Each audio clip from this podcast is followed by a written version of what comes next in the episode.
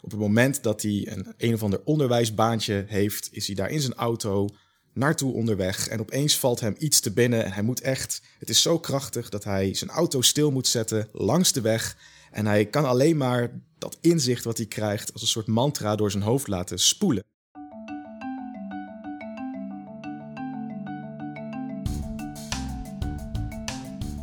Dit is De Reflector, de podcast van Radboud Reflect. Een verdiepend interview met de schrijver van een nieuw wetenschappelijk boek. Wat zijn de grote vragen waar dit boek antwoord op geeft? Wat is de waarde ervan voor de maatschappij? Ga er lekker voor zitten. Luister, leer, reflecteer en geniet. Welkom bij De Reflector.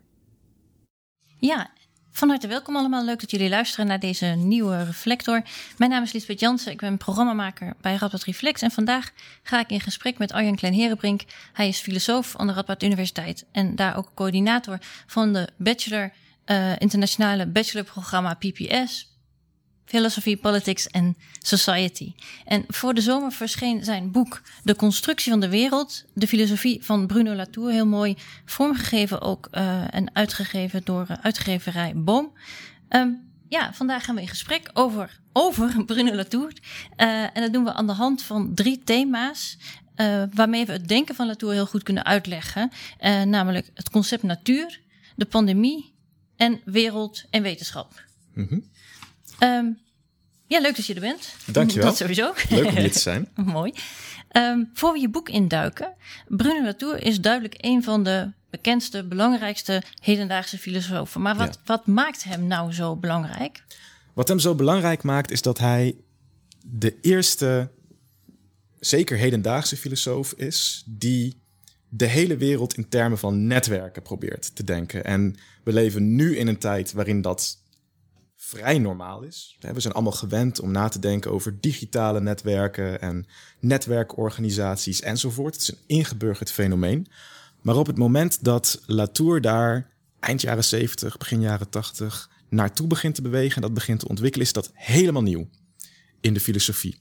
En dan niet alleen wat betreft filosofie die over het dagelijks leven gaat, maar ook in meer specialistische zin. Dus de wetenschapsfilosofie, de metafysica enzovoort. Daar probeert hij aan de hand van een bepaald soort netwerkdenken iets te doen dat voor hem eigenlijk bijna niemand geprobeerd heeft. En dat maakt hem in mijn optiek en die van vele anderen echt een revolutionair nieuw soort denker. Ja, dus het hele feit wat je zegt dat we het nu vrij normaal vinden om daarover na te denken, hebben we eigenlijk aan Latour te danken. Nou, zo belangrijk is hij nou ook weer niet. Um, dat zijn meer twee ontwikkelingen die zich parallel aan elkaar afspelen, maar die elkaar natuurlijk wel voeden. Ja ja, ja, en hoe hij dat precies interpreteert, daar gaan we het dadelijk nog, uh, nog ja, verder over zeker. hebben. Um, ik ben ook wel benieuwd naar zijn biografie. Kun je heel kort iets zeggen over wie hij is? Waar komt hij vandaan? Uh, zijn er belangrijke gebeurtenissen geweest in zijn, in zijn leven, persoonlijk of meer op, hè, op wereldtoneel, die zijn denken hebben beïnvloed? Latour is geboren aan het eind van de jaren 40, 1947. En hij komt uit, het, uit een geslacht van uh, wijnmakers. Dus het Maison Louis Latour, wijnkenners zullen het kennen. Dat is het wijnhuis van zijn familie. Maar in plaats van het familiebedrijf in te gaan, is hij gaan studeren, heeft filosofie gedaan, um, is daar bij de staatsexamens in Frankrijk ook heel hoog bij geëindigd. En dat opent voor hem de deuren naar een academisch pad. En daarnaast is het ook zo dat hij op vrij jonge leeftijd een soort Eureka-moment heeft gehad. En uh, dat beschrijft hij zelf ook in een van zijn boeken. Op het moment dat hij een een of ander onderwijsbaantje heeft, is hij daar in zijn auto naartoe onderweg. En opeens valt hem iets te binnen. En hij moet echt. Het is zo krachtig dat hij zijn auto stil moet zetten langs de weg.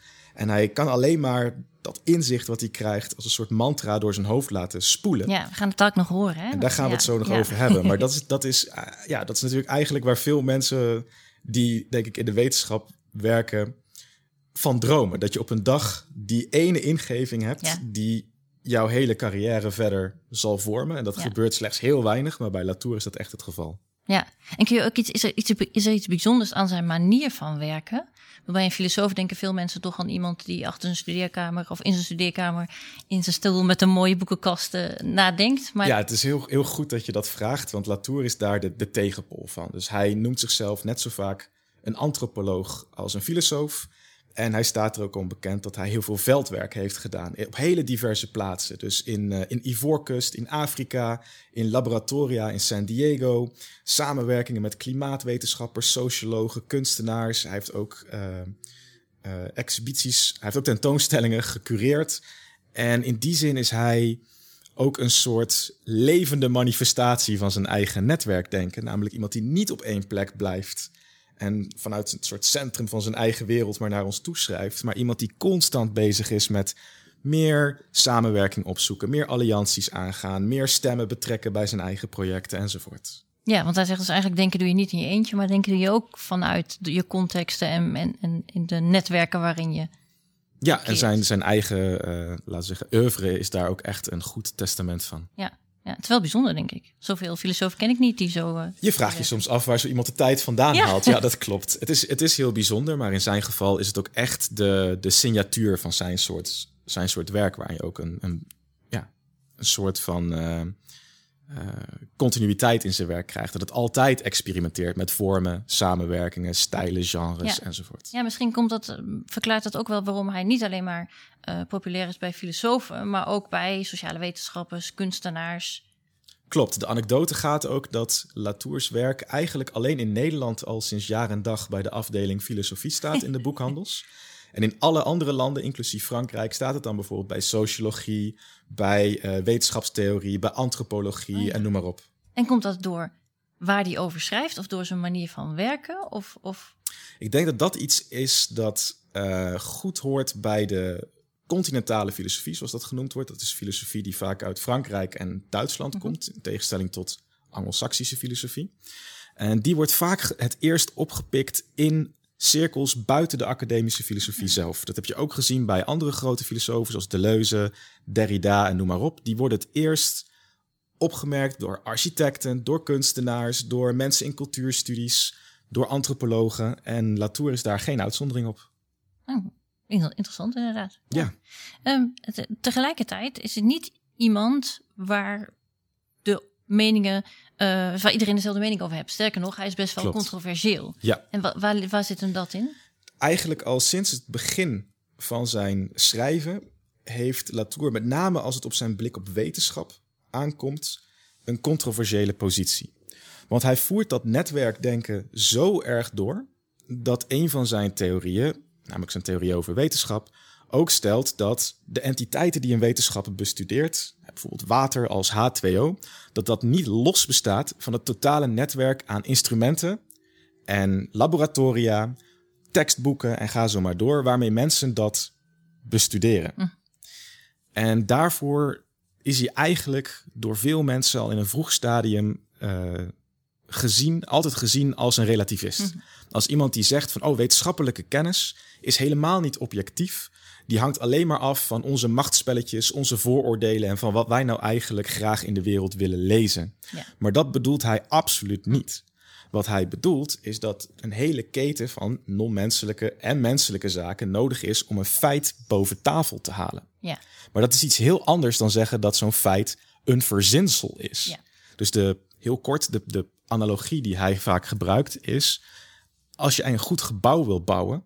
dan is, zijn daar natuurlijk ook allerlei zaken omheen nodig om dat te realiseren. Van hijskranen tot blauwdrukken, tot architecten... tot landschapscommissies en noem maar op. Daar, gaan, daar komt een heel netwerk van zaken bij, bij kijken. Maar omdat dat netwerk bestaat... is dat gebouw natuurlijk niet minder reëel niet minder robuust, niet minder objectief. Dat gebouw is geen verzinsel. Latour denkt hetzelfde ons over onze wetenschappelijke theorieën. We mogen het netwerk, dankzij welke we die theorie kennen, niet uit het oog verliezen. Die is absoluut essentieel voor die theorie. Maar dat maakt die theorie geen verzinsel, wat je met zo'n knip van je vinger weg zou kunnen denken. Ja, ja. nee, helder. Hey, je hebt zelf twee jaar geleden uh, Latour geïnterviewd bij Radboud Ja, bij jullie. Ja, bij Maar ons. voor nog bedankt. ja, graag gedaan. Uh, ik ben heel benieuwd, wat, wat, wat, wat, wat, wat, uh, wat voor indruk had je van hem? Wat, wat is hij voor iemand? Ik vind hem altijd fascinerend omdat hij zo erg niet conform het clichébeeld van een 20ste en nu dus 21ste eeuwse Franse filosoof is. Dus veel van zijn beroemde collega's hebben zich altijd uh, zeer politiek bevlogen, zeer activistisch opgesteld Mhm. en altijd geschopt tegen heilige huisjes. En Latour, die, ja, die, dat is, die komt dus uit een familie van welgestelde wijnmakers. Draagt ook de vaak bijna Engelse tweedjasjes en de, de, de petjes die daarbij horen. En die komt, is een hele lange, reizige man. Dus je bent bij hem, bij hem altijd, tenminste ik ben bij hem altijd verbaasd van ja, dat, dat past eigenlijk helemaal niet in het plaatje wat de subcultuur, laten we zeggen, van Franse filosofie als verwachtingspatroon zou geven. Ja, en past het wel bij hoe die schrijft? Geen idee. Daar heb ik nog nooit goed over nagedacht. Dus het is wel zo dat hij in, in hoe die schrijft en ook hoe die zich in uh, allerlei media, van, van, van interviews tot essays enzovoort, gedraagt, merk je heel goed dat er een soort grenzeloze nieuwsgierigheid bij hem is, die ook echt hem ertoe drijft om over de grenzen van disciplines heen te gaan en zich niet alleen maar op te sluiten in de wetenschapsleer of de filosofie of de antropologie. Dus hij is het type dat als hij bezig is met uh, een case study dit is echt gebeurd met een case study die toevallig gaat over uh, de bodemkwaliteit in een bepaald stukje van het noordelijke deel van de Amazone. Dan gaat hij mee. Dan gaat hij wekenlang mee met bodemonderzoekers en plantkundigen om te kijken hoe ze daar dat onderzoek doen. Ja, wauw. Ja, dat, uh, dat, geeft, dat, dat geeft een bepaalde, in mijn optiek, niet alleen gedrevenheid, het getuigt ook van een bepaalde authenticiteit. Het is dus iemand die niet allerlei uitspraken over in dit geval wetenschappers ja. en de aard van kennis wil doen, zonder dat hij meegaat naar het veldwerk of naar het laboratorium om weken, maanden of zelfs jarenlang te observeren wat daar nou eigenlijk gebeurt. Ja, ja zodat je er echt zelf bij bent en niet alleen maar uit een soort Klopt. helikopterperspectief iets. Dan komen we eigenlijk weer terug op die eerdere opmerking van het is echt geen studeerkamergeleerde. Nee, Precies, en misschien is dat een mooi moment om even te switchen naar uh, ons eerste hoofdstuk, waarin we het gingen hebben uh, over ons concept van natuur. Um, en je had het net zelf al even over hè, dat Eureka-moment ja. van uh, Latour. En dat beschrijf, jou in, beschrijf je in jouw boek als volgt. Ik ga even een klein stukje voorlezen.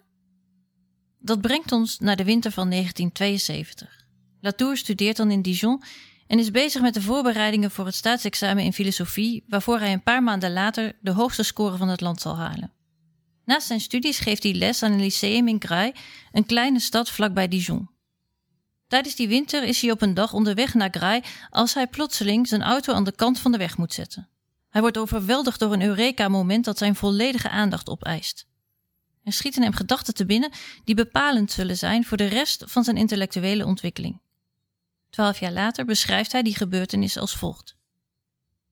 Ik wist toen niets van wat ik nu schrijf, maar herhaalde simpelweg voor mezelf: niets kan gereduceerd worden tot iets anders. Niets kan gededuceerd worden uit iets anders. Alles kan verbonden worden met al het andere. Het was als een exorcisme dat demonen één voor één versloeg. De lucht was winterachtig en erg blauw.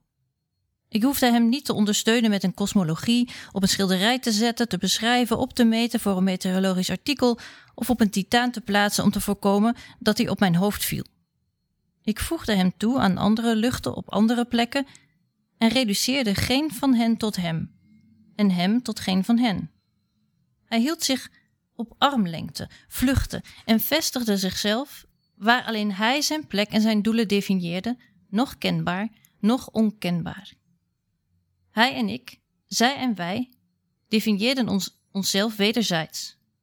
En voor de eerste keer in mijn leven zag ik de dingen ongereduceerd en vrijgelaten. Ja, het is een hele mooie beschrijving. Je dacht, het is bijna mystiek. Yep. het is bijna alsof je denkt, ja, alles is één. één is, uh, het, alles, ja, alles, alles is verbonden, alles is één. Um, dat, dat ademt het een beetje. Denk je dat het zo'n soort moment was voor hem? Wat, wat, wat heel belangrijk is, aan dit moment voor hem is, dat, is dus die intuïtie dat alles niet gereduceerd kan worden. En wat mhm. hij daarmee bedoelt is dat we in de filosofie, in de wetenschap en in het dagelijks leven heel vaak denken dat we iets verklaren. Mhm. En dat we dus tevreden kunnen zijn met die verklaring, dat we iets begrijpen als we het reduceren tot zeg maar een macrofactor. Dat, daar gaat het dus om dat we termen gebruiken zoals de natuur met de hoofdletter N, de cultuur met de hoofdletter C, waarom, gedragen, waarom gedragen jonge mensen zich in hun puberteit zus of zo over? Dat is de natuur. Of uh, waarom zijn katholieke zus en protestanten zo? Dat is hun cultuur. Waarom staat de aandelenmarkt er zo voor? Nou, dat is de economie. Allemaal met hoofdletters. De politiek. We worden genaaid door het systeem. Ja. En wat Latour hier in die intuïtie, in dat intuïtieve moment, in dat Eureka-moment doorheeft, is dat dat eigenlijk helemaal niks uitlegt. Dat dat geen cognitieve waarde heeft, omdat zaken zoals de natuur, de cultuur, de economie enzovoort niet bestaan. En er zijn twee hele duidelijke voorbeelden waarin dat heel vroeg in zijn werk al blijkt. Een paar jaar na deze uh, ja, roadside, na dit roadside epiphany moment, um, wordt hij uitgenodigd om een studie te doen in Ivoorkust. Mm -hmm. En hij krijgt daar van een Frans onderzoeksbureau de volgende opdracht. Latour, kun je alsjeblieft uitzoeken waarom studenten in Ivoorkust, studenten uit Ivoorkust, het op technische hogescholen zoveel slechter doen dan studenten in Frankrijk. Die technische hogescholen in Ivoorkust waren op dat moment volledig gemodelleerd op de Franse uh, equivalenten daarvan. Ja, dus condities waren ongeveer hetzelfde. Ja, dus waarom doen Franse leerlingen het wel goed ja. en Ivoorkust, Ivoorkustiaanse leerlingen het niet goed? De heersende verklaring daarvan, die in de literatuur die daar tot nu toe over geschreven was, tot op dat punt, en ook de verhalen die Latour daar hoorde de rond te doen, was het zit niet in de cultuur met een C, hoofdletter C van de Afrikanen. Het zit niet in de natuur of de inborst van de Afrikanen. Dus dat waren heel erg essentialistische verklaringen aan de hand van zo'n macrofactor. Zo'n ding met een hoofdletter. Ja. En Latour die duikt daarin en die ontdekt in zijn veldwerk een heel duidelijk verschil tussen de Franse en de lokale leerlingen. Namelijk, Franse leerlingen hebben door de omgeving waarin ze opgroeien, voordat ze op die technische hogeschool komen, al een heleboel praktische ervaring opgedaan met auto's, met brommers, met, aller, met boilers, met allerlei elektrische apparaten in en om het huis. Leerlingen uit Ivoorkust bijna niks. De hogescholen naar Frans model begonnen in het eerste jaar allemaal met driedimensionaal technisch tekenen.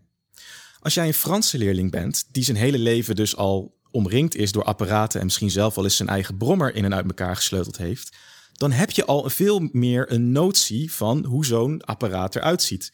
Als jij een leerling uit Ivoorkust bent, die over de band genomen veel minder ervaring daarmee heeft, dan is dat technisch tekenen dus een onmogelijke opdracht. Wat is hier nou belangrijk aan? Latour ontdekt dat die verklaring in termen van cultuur of natuur helemaal niet klopt en dat de ware verklaring een verklaring is in termen van een keten, een netwerk van wat hij actoren noemt. Mhm. En actoren zijn simpelweg dingen om je heen, mhm. dingen om iets heen die een verschil voor je maken. Ja. Leerlingen in Frankrijk groeien als kind op in een actornetwerk vol met machines. Leerlingen in Ivoorkust niet. En daarom doen ze het slechter op een technische school die daar geen rekening mee houdt. Dus dat is één. Daar ontdekt Latour, kijk, die intuïtie van mij, dat je een probleem of een situatie, de leerlingen presteren niet goed, niet kan reduceren tot een essentiële macrofactor, de cultuur of de natuur. Die klopt hier. Want er is geen de cultuur of de natuur. Er is alleen een keten van waar sta je wel en niet aan blootgesteld. En iets later krijgt hij nog een onderzoeksopdracht, ditmaal in een uh, biochemisch, biomedisch laboratorium in San Diego. En daar wordt hij heen gestuurd om daar gaat hij eigenlijk zelf heen om onderzoek te doen naar de volgende vraag die in de wetenschapsfilosofie vaak gesteld wordt. De vraag is: de feiten die in wetenschappelijke theorieën naar voren komen, zijn dat feiten in de zin van natuurproducten? Gaan die echt over de wereld buiten ons? Zijn die zuiver objectief? Of zijn dat cultuurproducten? Zijn dat projecties van de menselijke geest op een materiële wereld die daar misschien helemaal niks mee te maken heeft? Het is een debat tussen een soort naturalisme en een soort relativisme. En Latour die komt daar en die doet maandenlang observaties in het laboratorium en die beseft zich ook daar op een gegeven moment, deze wetenschappers zijn helemaal niet bezig met de cultuur. Er zijn helemaal geen grote politieke of bevooroordeelde krachten die als tektonische platen daarop inwerken en zorgen dat ze de boel op manier A of B zeggen, zien. Maar Tegelijk zijn die wetenschappers ook niet bezig met het bestuderen van de natuur met een hoofdletter N. Dat hele grote domein dat door wetmatigheden beheerst zou worden, die enzovoort. Waar ze wel mee bezig zijn, is hele kleine samples in allerlei bakjes. Hele specifieke apparaten die die samples verwerken. Logboeken die die dingen moeten documenteren en traceren. Constante discussies, constante papers die ze moeten lezen. En daaruit ook weer uit dat netwerk van actoren komen wetenschappelijke theorieën naar voren. Ook daar ziet hij weer, net zoals in Ivoorkust, dat het praten in termen van, oh, waar zijn we mee bezig? De natuur of de cultuur veel te grandioos is. Mhm.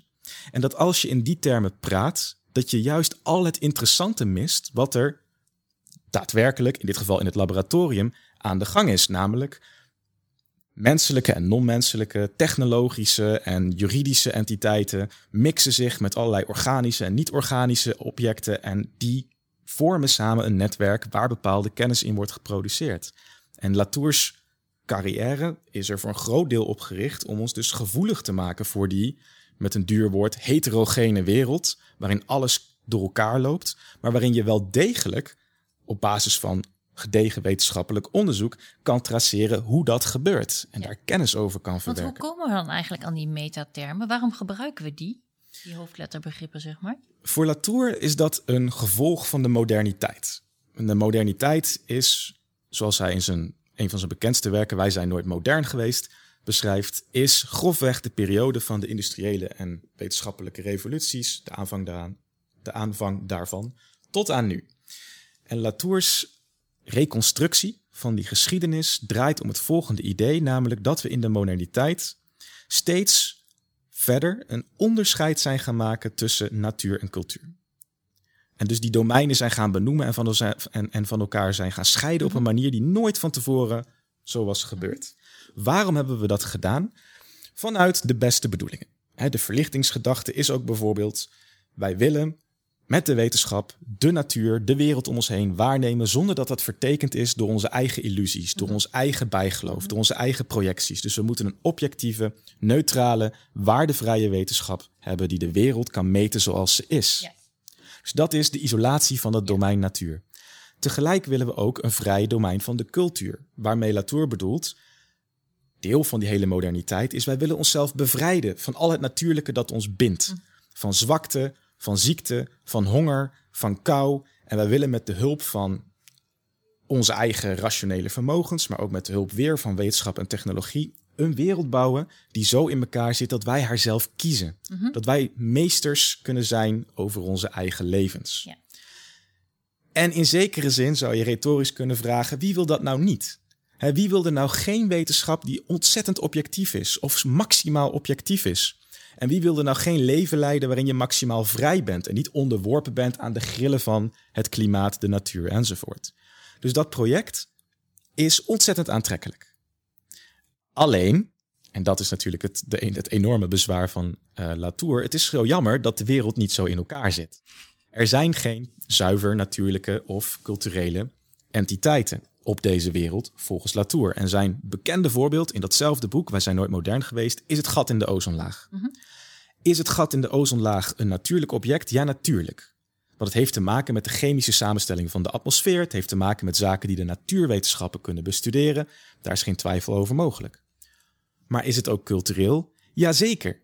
Want de hele reden dat we ons zorgen maken over het gat, gat, in de ozonlaag, is dat de vorm en de omvang ervan mede bepaald wordt door onze uitstoot van bijvoorbeeld drijfgassen. Mhm. En daarmee kom je terecht in een wereld van CFK's. En dus van industrie. En van consumptiepatronen. En dus van marketing. En dus van wetten die bepalen in welke mate die zaken geproduceerd mogen worden. Dus er zijn ook juridische, technologische, economische, sociologische aspecten die mede bepalen hoe dat tussen haakjes natuurlijke object, het gat in de ozonlaag, in elkaar zit. Ja. En als je dat hele netwerk wil traceren, zoals Latour, Latour altijd en overal wil doen, dan blijkt die natuur-cultuurscheiding dus onhoudbaar. Mhm. En dan zou je dus zeggen van nou, wie echt wil weten hoe dat gat in de ozonlaag, of welke entiteit dan ook, hè, de coronapandemie of klimaatverandering of uh, de sneakers die je draagt, tot stand komt, die heeft eigenlijk een enorm interdisciplinair apparaat nodig. Mhm.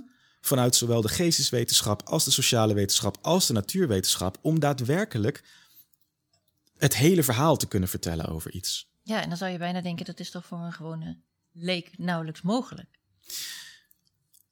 Dat het is wel een veel eisend werk, dat klopt. Maar tegelijk vind ik zelf dat dat wel correspondeert met hoe we vaak over ons eigen leven praten. Bijna niemand als, als we het hebben over hoe gaat het met je, wat heb je gedaan, bijna niemand praat alleen maar over haar of zijn vrienden en haar of zijn uh, overtuigingen en de andere culturele kanten van het bestaan. En bijna niemand praat alleen maar over de fysieke, materiële, natuurwetenschappelijke kanten van het bestaan. Als wij vertellen over ons eigen wel en wee en over onze eigen levensloop, praten we net zo makkelijk over de storm die er gisteren was als de vrienden die we eergisteren zagen en mengen we alles met elkaar. Latour wil het alleen op veel grotere schaal toepassen. Ja, ja, ik snap het. Ja, het is altijd makkelijk om over jezelf de, de, de nuance en de details te zien en over de ander in grove termen te praten. Ja. Um, dit hoofdstukje heet de natuur. We moeten er nog even heen. Je hebt er net even iets over gezegd, hè, dat, dat voorbeeld van de ozonlaag. Als je nu heel kort zou moeten samenvatten wat, zijn, wat Latours kritiek is op onze manier van kijken naar de natuur en welke consequenties dat heeft voor hoe we ermee omgaan. Vanuit zo'n moderne houding gaan we altijd doen alsof natuur een apart domein is. Dat is de aanklacht van Latour. Alsof natuur iets is dat net aan de rand van de stad, of net aan de rand van de snelweg, of net buiten je dorp begint. Ja. Daarmee ontken je dus, of daarmee poneer je een kloof die dus doet alsof het effect dat een hert heeft op het bos Mhm. meer met dat bos te maken heeft, tussen haakjes van nature, Mhm. als het effect dat de uitstoot van een fabriek naast dat bos heeft. Mhm. Op dat bos. En we weten natuurlijk allemaal dat dat niet waar is. Maar zolang je het concept natuur scheidt van de rest van de wereld en dat niet op een daadwerkelijk ecologisch vervlochten manier met elkaar mengt, waarin je dus constant aandacht hebt voor het feit dat een fabriek en een populatie herten allebei letterlijk onderdeel zijn van dat bos en die het maken tot wat het is. Zolang je die kloof in stand houdt, doe je jezelf dus niet echt een gunst. En zullen we nooit daadwerkelijk beseffen dat ecologische systemen doordringen tot in het hart van onze steden, tot in het hart van ons lichaam.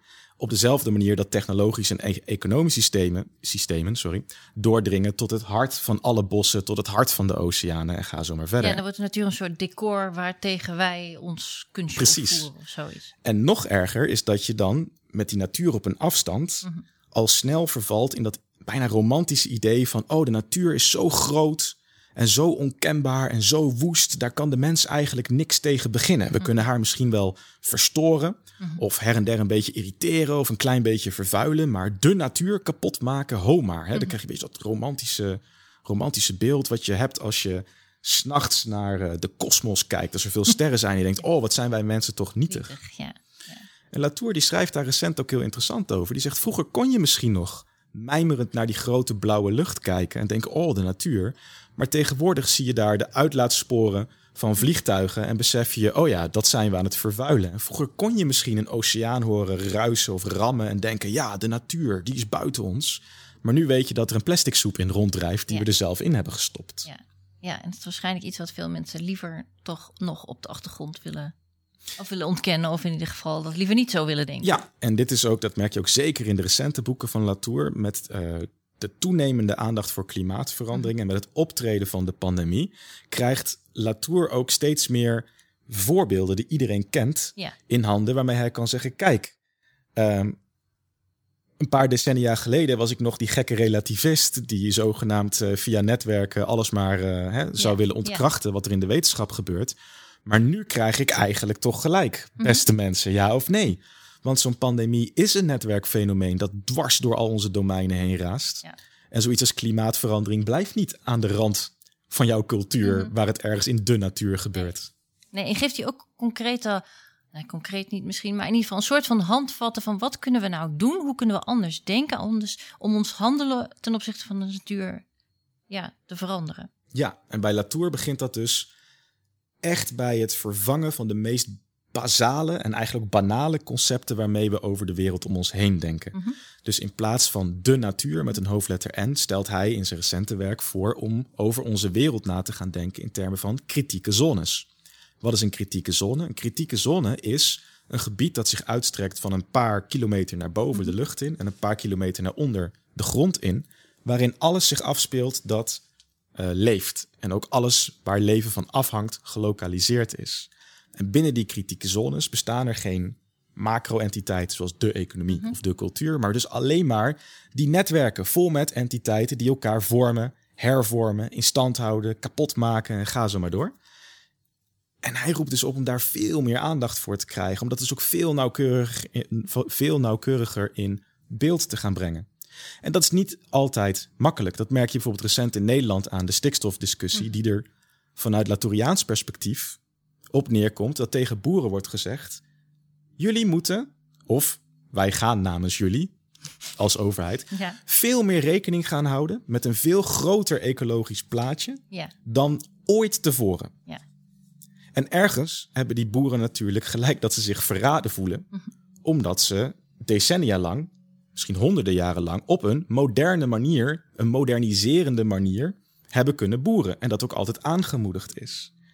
En Latour zou zeggen, ja, en nu krijgen we met z'n allen de rekening gepresenteerd. Hij heeft dat zelf bijvoorbeeld ook gezegd, letterlijk over de gele hesjes eh, protesten in Frankrijk.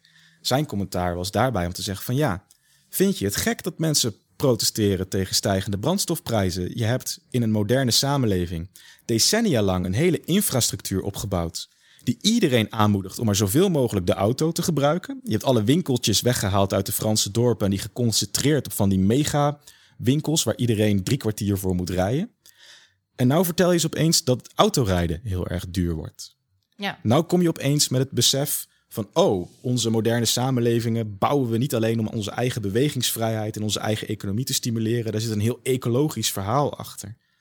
En al dat soort fenomenen zijn voor Latour tekens van dat moderne samenlevingen eigenlijk nu pas echt de rekening gepresenteerd krijgen of die in beeld krijgen van hoe vervlochten we eigenlijk met de wereld zijn. Ja. Ja, ja, je noemde net even de stikstofcrisis. Ik denk een ander thema waar veel over te doen is geweest, hè, waar veel eh ophef over was, dat was natuurlijk de coronapandemie. Zeker. Ehm daar hebben we ook, ik heb er een stukje bij uitgezocht dat daar denk ik qua thema goed bij past. En dat klinkt als volgt. Volgens Latour leidt de moderne denkwijze tot het idee dat politiek enkel draait om waarden. Politici bepalen niet waar de wereld uit bestaat, maar enkel hoe wat er bestaat op morele, economische, religieuze of ju- juridische gronden gewaardeerd en geordend moet worden. Daartegenover staan wetenschappers die zich niet bezig zouden houden met waarden en ordening, maar enkel met feiten. Idealiter zou wetenschap zich afspelen in een politiek vacuüm. Ze zou dan slechts de opeenstapeling van steeds meer feiten zijn, zonder dat ze ooit met andere aspecten van het menselijk bestaan vervlochten wordt. Volgens Latour tendeert, tendeert deze moderne opvatting van de verhouding tussen natuur en samenleving, en dus tussen wetenschap en politiek, naar wederzijdse verlamming. De politiek heeft geen enkele speelruimte als ze altijd maar voor voldongen feiten gesteld wordt. Als ze geen reële rol zou spelen bij waar de wereld uit bestaat, dan zou ze niets anders kunnen zijn dan holle praat. Andersom heeft de wetenschap geen slagkracht als ze enkel een opsomming van feiten is, zonder dat er ooit enige maatschappelijke betrokkenheid aan te pas komt. Het lijkt voor de modernen alsof deze twee domeinen elkaar netjes aanvullen, maar voor Latour is dat een illusie die verhult dat ze tegen elkaar uitgespeeld worden. Ja, dat tegen elkaar uitgespeeld worden, dat hebben we denk ik eh, vaker gehoord de afgelopen, Ja. de afgelopen tijd. Ja, dat is ook iets wat je in de eh, in coronatijden heel goed gezien hebt. Hè, is dat er een heel erg ingewikkeld spanningsveld is tussen wetenschappers en politici en burgers die daar allerlei dingen van vinden. Van wanneer ga je naar elkaar wijzen? Wanneer ga je als politicus zeggen: dit is een zaak voor de wetenschappers? En wanneer ga je als wetenschapper zeggen: ik doe geen politieke uitspraken? En Latour, Latour zijn punt met die passage en met andere passages hierover is om te zeggen: politici en wetenschappers moeten die zuiverheidsgedachte bij zichzelf maar eens flink temperen. En dat betekent geen free-for-all waarin politici gewoon random mogen gaan roepen hoe de wereld in elkaar zit en wetenschappers opeens in hun eentje kunnen gaan bepalen hoe de wereldpolitiek georganiseerd is. Het betekent iets heel anders.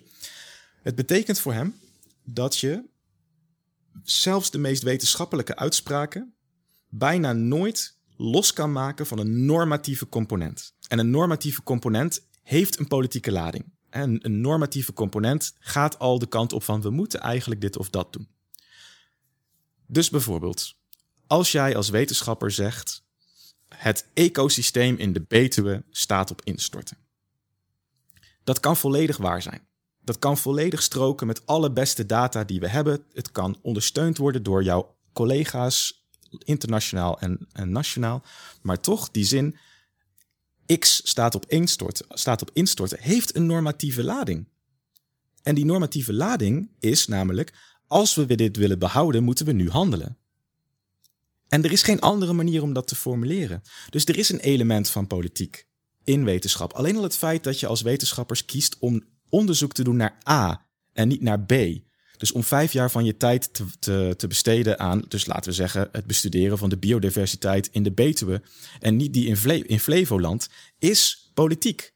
Ja. Is, en politiek is in, in Latouriaanse zin, is dus een bepaalde ordening aanbrengen in een netwerk, daar bepaalde prioriteiten in stellen. Andersom ben je als politicus natuurlijk niet alleen maar bezig met het uitspreken van normatieve idealen over de realiteit. Oh, wij willen een socialistische wereld of een liberale wereld of een communistische wereld of een conservatieve wereld. Want door te handelen als politicus, door jouw partij de wereld in te sturen, door bepaalde uitingen te doen, vormen er zich nieuwe groepen mensen, vormt er zich nieuw gedrag. En ook dat is objectief. Dus het feit dat een uh, nieuwe politieke partij, zoals de, de Boerenpartij, dat die een hele aanhang verzamelt, die zich mede daardoor politiek kan verenigen op een manier die niet eerder gebeurde, is net zozeer een feit als dat water H2O is. Maar het is wel een politieke gebeurtenis, politieke gebeurtenis pardon, die dat feit realiseert. Dus voor Latour zijn politici, wetenschappers en eigenlijk uh, veel meer professies dan dat, maar we hebben het nu over die twee, zijn zowel feitenmakers, zijn zowel groepen die bepalen hoe die netwerken die onze wereld zijn eruit zien, als dat het normatieve groepen zijn, namelijk groepen die daarin een bepaalde richting uit proberen te zetten. Ja, en is het dan zo dat het feit dat we tijdens de pandemie zo krampachtig hebben geprobeerd om die twee categorieën uit elkaar te halen, is dat misschien ook een reden waarom er in de bevolking zoveel onrust en protesten en, en, en tegenstand was? En vanuit Latouriaans perspectief zou je zeggen, we kunnen dat op zijn minst voor de volgende keer handiger proberen te organiseren. Namelijk? Namelijk, als je het ermee eens bent dat entiteiten in onze wereld, dus ook problemen zoals eh, problematische entiteiten zoals het coronavirus, dat dat netwerkachtige dingen zijn. Ergo dat dat, net, dat dat zaken zijn die zich niet alleen in de economie of in de gezondheidszorg doen gelden, maar die overal effecten hebben. In de politiek, in de technologie, in de internationale handel, in het lichaam van mensen, in de nieuwsoutlets uh, enzovoort. Dan zou je toch moeten bedenken dat het niet handig is dat wij onze wereld zo ontzettend gecompartimentaliseerd hebben georganiseerd. Dat wij bijvoorbeeld een politiek hebben waarin je ministeries hebt voor binnenland, voor buitenland, voor economische zaken en klimaat, voor landbouw en natuur. Dus we hebben klimaat en natuur ook al uit elkaar gehaald op een rare manier. En dat die ad hoc opeens allemaal samenwerkingsverbanden moeten aangaan als er opeens zo'n wild genetwerkt object, genetwerkt object overal doorheen komt razen. Nu is het zo, zelfs in universiteiten, dat interdisciplinair samenwerken, over de grenzen van je eigen hok uh, met anderen onderzoek doen of politiek proberen te bedrijven, is een uitzondering. In een Latouriaanse wereld zouden we onze instituties zo proberen in te richten dat dat de regel wordt. Ja. En er zijn hele goede voorbeelden van. Bijvoorbeeld een veld zoals genderstudies is altijd al, niet als uitzondering, maar in essentie interdisciplinair geweest. Dat is een veld waarin men niet alleen maar biologische theorieën leest, maar natuurlijk ook filosofische en antropologische, sociologische en ga zo maar door. Dat put constant uit allerlei disciplines. Met een veld zoals conflictstudies is dat niet anders. Dan put je ook uit zowel economische als politicologische als militaire theorieën en ga zo maar door. De Latouriaanse vraag zou zijn, of uitdaging zou eigenlijk zijn, waarom doen we dat niet veel vaker? En met veel meer zaken? En dan zou het leken antwoord misschien zijn, althans dat is wat mij dan in eerste instantie te binnen schiet. Um, ja, maar let het niet tot chaos. Als je gaat zeggen, alles moet met iedereen samenwerken, ja, heb je niet ook een bepaalde ordening nodig? Nee, want als je binnenloopt bij, uh, als je binnenloopt bij een uh, faculteit of een studie voor conflictstudies of genderstudies, dan is het daar niet meer of minder chaotisch dan bij een, bij een afdeling scheikunde of natuurkunde. En, je, en, en dat is één. En twee, het tweede deel van het antwoord zou zijn: zelfs al is het ingewikkelder en chaotischer, de wereld laat ons zien dat het feitelijk niet anders kan. Ja, we hebben elkaar gewoon nodig. Ja, en de wereld laat ons, laat ons zien dat je kunt geen fabrieken meer neerplempen en denken: dit is alleen maar een zaak van technologische vooruitgang. Nee, het heeft ook iets te maken met wat doet dat met de bewoners in het stadje ernaast? Wat doet dat met de ecosystemen, de bossen, de rivieren enzovoort, waarin afval geloosd wordt? Ja.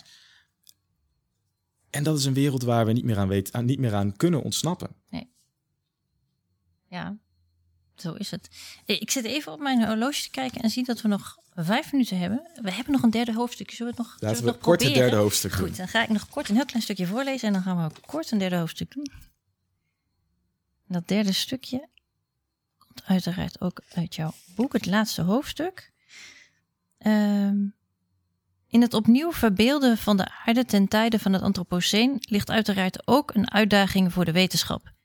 Momenteel, stelt Latour, laten de klimaatwetenschappers zich daarin nog te vaak gijzelen door modern denkende klimaatskeptici. Sorry.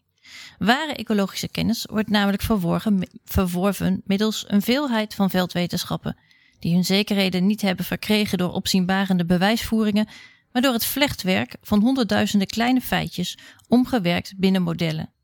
Voor moderne mensen die verwachten dat een afstandelijke en objectieve wetenschap ons neutrale en volstrekt heldere kennis over een onveranderlijke en transparante natuur geeft, lijkt zoiets natuurlijk eerder op een willekeurig gestapeld beweringen dan op nauwkeurige kennis over de wereld.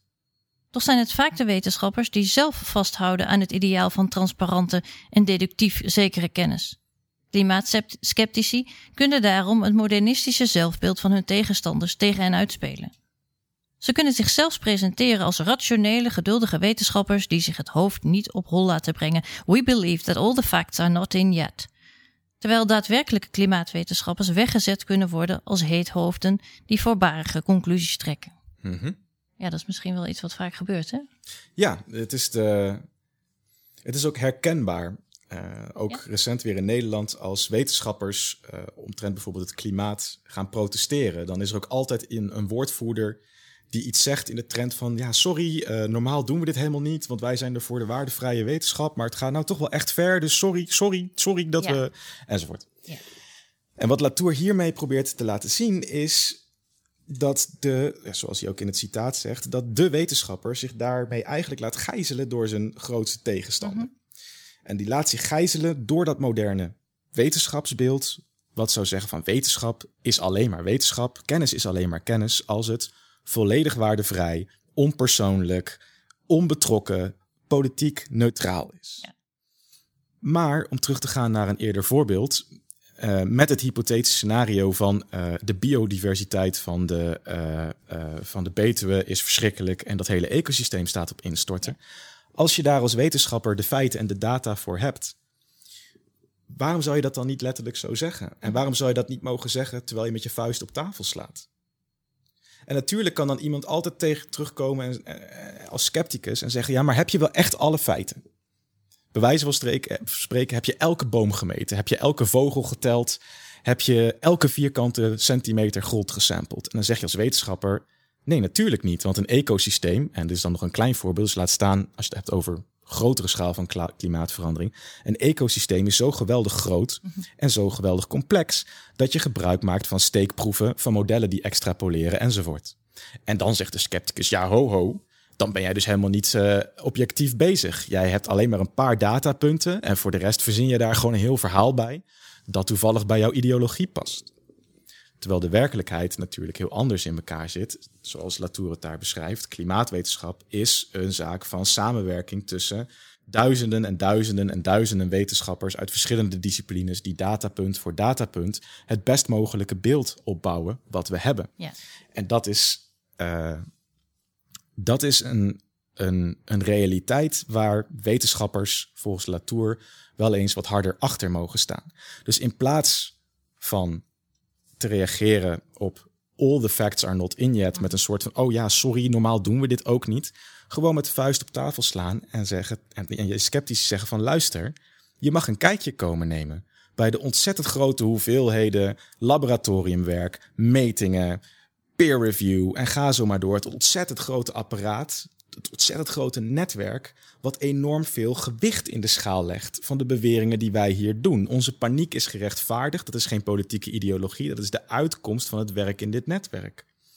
En zolang je dat buiten beeld houdt als wetenschapper, zolang je dus niet de hele machinerie waarmee je wetenschap maakt, presenteert, en in plaats daarvan doet alsof je alleen maar feitjes hebt, dan trap je volgens Latour dus in een val, waarmee je precies doet wat jouw vijand nodig heeft om jou te verslaan.